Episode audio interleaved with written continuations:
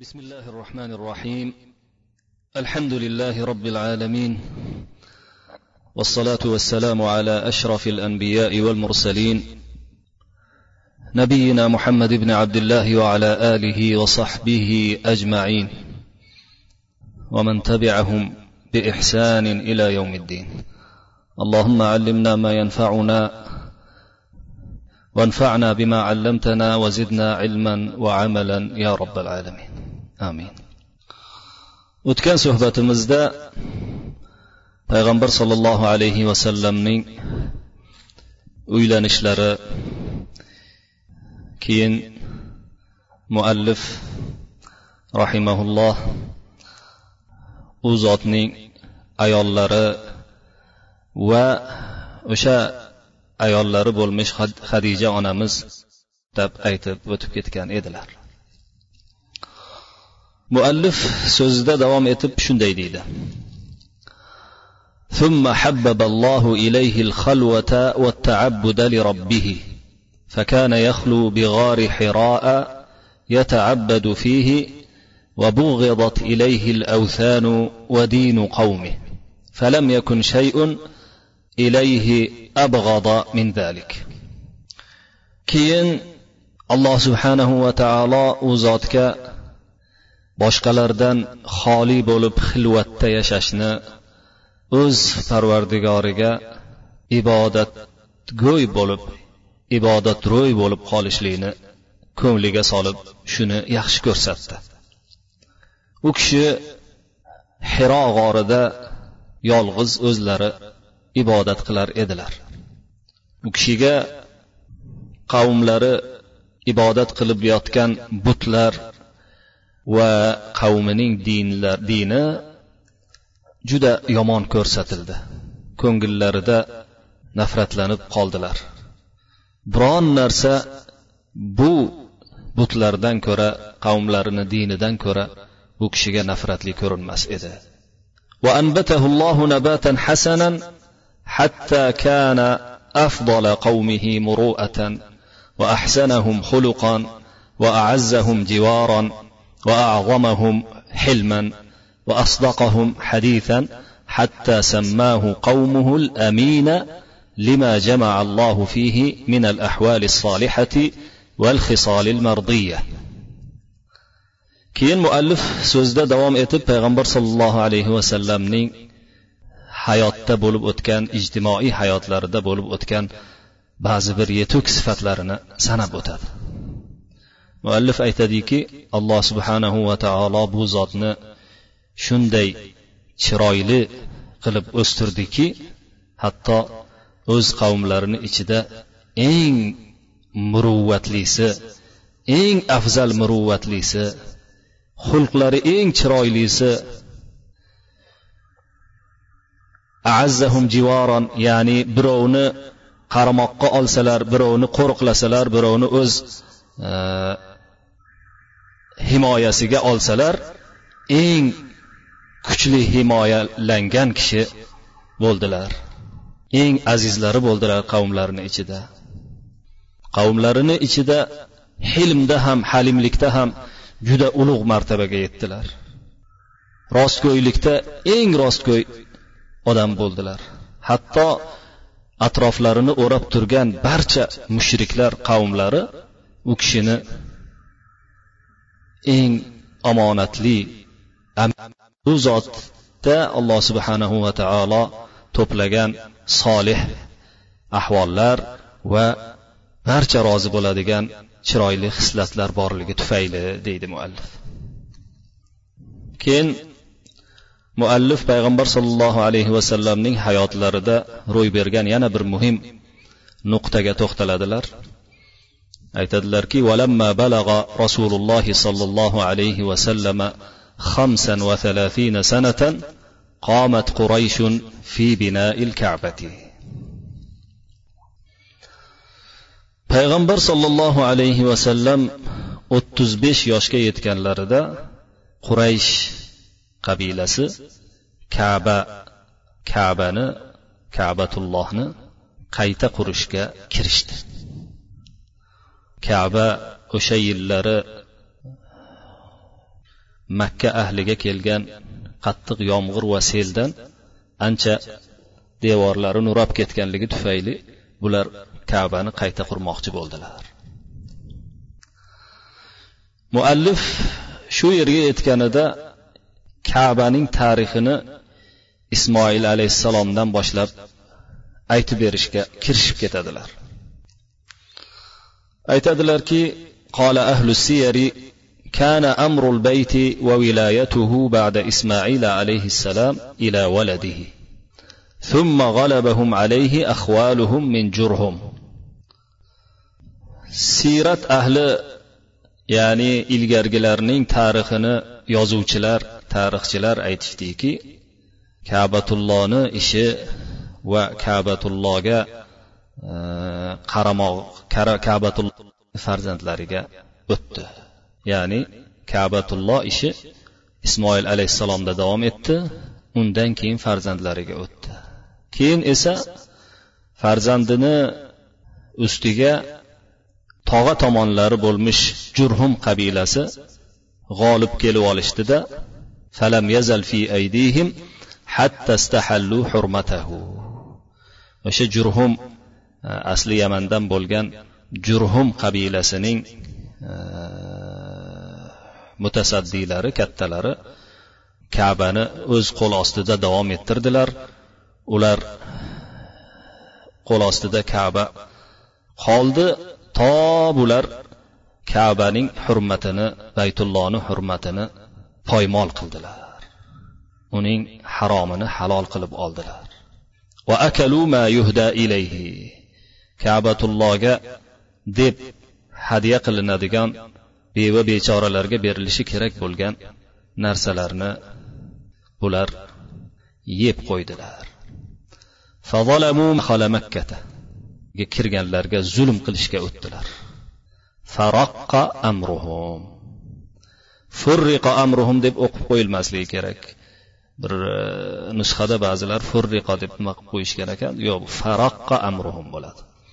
Ya'ni shunday zulmlari tufayli kabaning hurmatini poymol etganliklari tufayli o'sha jurhum qabilasini boshliqlarining umuman jurhum qabilasining ishlari susayib ketib qoldi. فلما رأت بنو بكر بن عبد منات بن كنانة وغبشان من خزاعة ذلك أجمعوا لحربهم وإخراجهم من مكة فآذنوهم بالحرب فاقتتلوا buni qurayshning banu bakr ibn abdumanot degan qabilasi hali bular quraysh bo'lib o'lgurmagan edi quraysh keyin keladiyu lekin o'sha qurayshni ajdodlarida bo'lgan bu qabila va huzoa qabilasining g'obshon degan bir qismi bu narsani ko'rgach jurhum qabilasiga urush ochishga qaror qilishdi. Bir ovozdan urush ochishga va makkadan ularni chiqarib yuborishga bir ovozdan kelishib oldilar. Da ularga urushni e'lon qildilar. ular o'rtasida urush bo'lib o'tdi urushdilar وغلبتهم بنو بكر وغبشان فنفوهم من مكة banu bakr bilan g'abshon qabilasi huzo e, jurhum qabilasini yengdilar ularning ustidan g'alaba qozondilarda ularni makkadan quvg'in qildilar وكانت مكة في الجاهلية لا يقر فيها ظلم يبغي فيها أحد على أحد إلا أخرجه الله منها. ولا يريدها ملك يستحل حرمتها إلا هلك مكانه. فيقال ما سميت بكة إلا أنها تبك أعناق الجبابرة إذا أحدثوا فيها. جاهلية مكة شهر noinsoflik ham hech iqror etilmas edi. Ya'ni bu yerda zulm bo'lishiga birovga adolatsizlik qilishga hech yo'l qo'ymas edilar. Biron kishi yo'l qo'ymas edilar alloh subhanahu va taolo ham yo'l qo'ymas edi. Biron kishi bu shaharda boshqa bir kishiga tajovuz qiladigan bo'lsa zulm qiladigan bo'lsa alloh subhanahu va taolo uni chiqarib yuborar edi. Biron bir podsho bu muborak shaharni hurmatini poymol qiladigan bo'lsa o'z o'rnida halok bo'lib ketar edi. Shuning uchun ham muallif aytadilarki shuning uchun ham makka shahri bakka deb bekorga aytilmagan. Qur'onda makka so'zi bakka deb keladi. Inna e, sura oli imronda inna avvala bayti wudi'a linnasi lallazi bi bakkata mubarakan deb degan oyat keladi. Bu kishi aytadilarki ma summiyat bakkatu إلا أنها ما سميت بكة إلا أنها تبك أعناق الجبابرة. makkaning bakka deb atalishi jabbor zulmda o'ta ketgan bo'lgan tajovuzkor podsholarning tajovuzkorlarning bo'yinlarini sindirib yanchib tashlaganligi uchun ham ezib tashlaganligi uchun ham makkani bakka deb atashgan deydi muallif ya'ni o'sha jabborlar zulmkorlar makkada biron bir yomonlik qiladigan bo'lsalar o'sha joyida alloh subhanava taolo yordami bilan e, bularning bo'ynini ezganligi uchun makka bakka deb atalgan deydi chunki bakkaya bukku deb arab tilida bir narsani bo'ynini sindirsa ezsa shu lafz bilan aytiladi iste'mol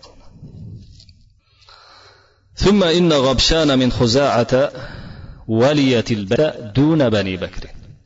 وكان الذي يليه منهم عمرو بن, عمرو بن الحارث الغبشاني. وقريش إذ ذاك حلول وصرم وبيوتات متف keyin huzoani g'abshon qabilasi banu bakr qabilasi qolib huzoani g'abshon qabilasi uyga egalik qilishdi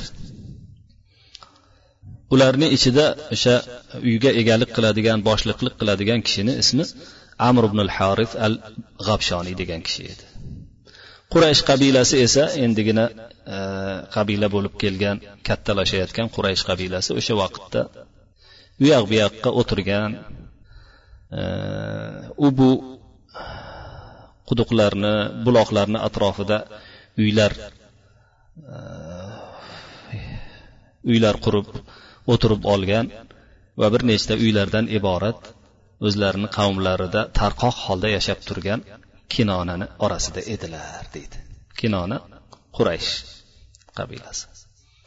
Ya'ni hulul deb bir joyga endi kelib o'tirgan hallunni hillunni jami hisoblanadi. Bir joyga kelib o'tirgan kishilarga hulul deydi. Sirmun deb esa bir joyga bir joyda suv paydo bo'ladigan bo'lsa suv yomg'ir tufayli yoki buloq chiqib qolgan bo'lsa o'sha suvni atrofiga kelib to'planadigan qavmni sirm deb atashadi arablar. Buyutatunni bilasizlar uylar degan. Demak shunday hali to'planmagan bo'lak bo'lak bo'lak bo'lib o'tirgan qavm edi quraysh qabilasi. Shuning uchun ham huzoa qabilasi birlashganroq bo'lganligi uchun uyni baytullohni viloyatini baytullohga egalik qilishni ular egallab olishdi o'sha paytlarda. Uzoq o'tmishda فوليت خزاعة البيت يتوارثونه كابرا عن كابر حتى كان آخرهم حليل ابن حبشية ابن سلول ابن كعب ابن عمرو بن ربيعة وهو لحي الخزاعي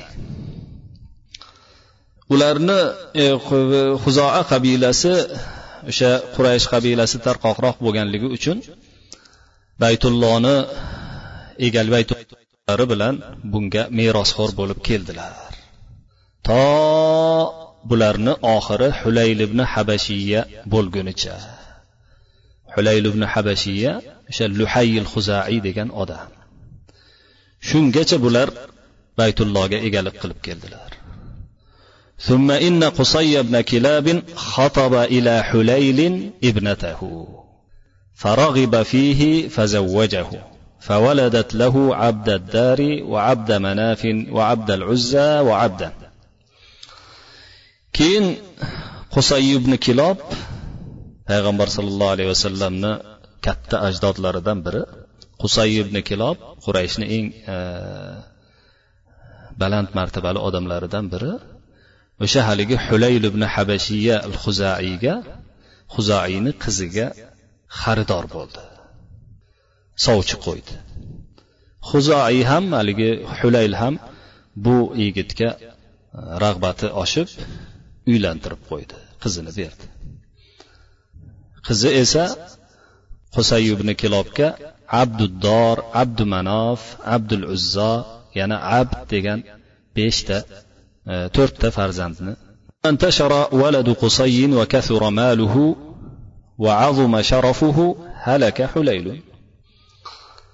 qusayni farzandlari kengayib tarqalib moli ko'payib sharafi qavmini ichida juda ulug' bo'lib sharafli bo'lib ketganidan keyin hulayl qaynotasi halok bo'lib ketdi vafot etib ketdi. فرأى قصي أنه أولى بالكعبة وبأمر البيت من خزاعة وبني بكر shunda qusay o'sha kuyov bola ko'rdiki kabatullohga eng loyiq odam va uyni ishiga ya'ni baytullohni ishiga eng loyiq bo'lgan voliylikka arziydigan bu uy ustidan hukmronlik viloyat qilishni e, eplaydigan odam o'zining o'zi ekanligini shunga loyiq odam o'zi ekanligini ko'rdi huzoadan ko'ra banu bakr qabilasidan ko'ra quraysh qabilasidan bo'lgan qusay avlo ekanligini ko'rdi va anna qurayshan sarihu ali ismoil buni ustiga quvvatlab tushdi buni فكلم رجالا من قريش وبني كنانة ودعاهم إلى إخراج huzaata va bani bakrin min makkata. Shunda keyin o'zini qabilasi qurayshdan va kattaroq qabila bo'lgan qurayshni e, yonidagi banu kinona kinona qabilasi bilan odamlari bilan suhbatlashdi. Ular bilan va banu bakr qabilasini makkadan chiqarib yuborishga da'vat etdi. Ma'lumki ilgari johiliyatda makkani sha'ni ulug' bo'lganligidan ular shunday osonlikcha mana bu makkani oling deb berib qo'ymasligi ma'lum edi. Shuning uchun mana shu quraysh e, qabilasini to'plaganligi banu kinonani to'plaganligini sababi ham qusaydi mana shu bo'ldi. Ular bunga faajabuhu ular bunga ko'ndilar ijobat qildilar. Faltaqov vaqtatalu qitalan shad amr ibn avfin ba'zi rivoyatlarda yamur ibn avfin kinonalik. Ular to'plandilar va juda qattiq urushdilar bir birlari bilan urush bo'lib o'tdi. Keyin eng o'sha paytni donishmandlaridan bo'lgan hikmatli odamlaridan bo'lgan yamur ibn avf yoki amr ibn avf degan ahadu bani bakr banu bakr qabilasidan bittasini hakam qilib o'zlariga sayladilar فحكموا hakamlik بن عوف أحد بني بكر. بنو بكر لردان بالتاسب والجان عمرو بن عوفنا يوكي يا عمرو بن عوفنا حكام قلب سيلاد يا عمرو بن عوف فقضى بينهم بأن قصيا أولى بالكعبة وأمر وأمر مكة من خزاعة بأن قصيا أولى بالكعبة وأمر مكة من خزاعة وكل دم أصابه منهم قصي موضوع تحت شدخه وما أصابت خزاعة وبنو بكر ففيه الدية وأن يخلى بين قصي وبين الكعبة ومكة. shunda u mana shunday qaror qildi hukm qildi qusay kabaga va makkani ishiga huzoadan ko'ra avloroq loyiqroq deb topdi. Ulardan qusay to'kkan har bir qonni ya'ni qusay biron kishini o'ldirgan bo'lsa uni qonini kechish kechishlikni qaror qildi. Mavduun tahta shidhihi degani o'shani o'zini oyog'ini tagiga tashladi degan tashlangan degan ma'nosi arab tilida buni xuni to'lanmaydi bekor bo'ldi xuni degan ma'noni bildiradi. Ularni xunini bekor qildida huzoa va banu bakr tekkan banu bakr to'kkan qonni e, qonni badaliga xun to'lashlikni hukm qildi. Va qusay bilan kabani orasini qusay bilan kabayu makkani orasini qusayga qo'yib berishini bo'shatib qo'yishini talab qildi. Endi bu yerdagi hakamlik ularni o'zlarini ra'yiga bo'lgan o'sha johiliyat davridagi hakamliklardan hisoblanadi. Buning uchun yo qay darajada nohaqlik bo'lganligi to'g'risida biz hukm yuritmaymiz bu yerda. Chunki bunga islomga aloqasi yo'q.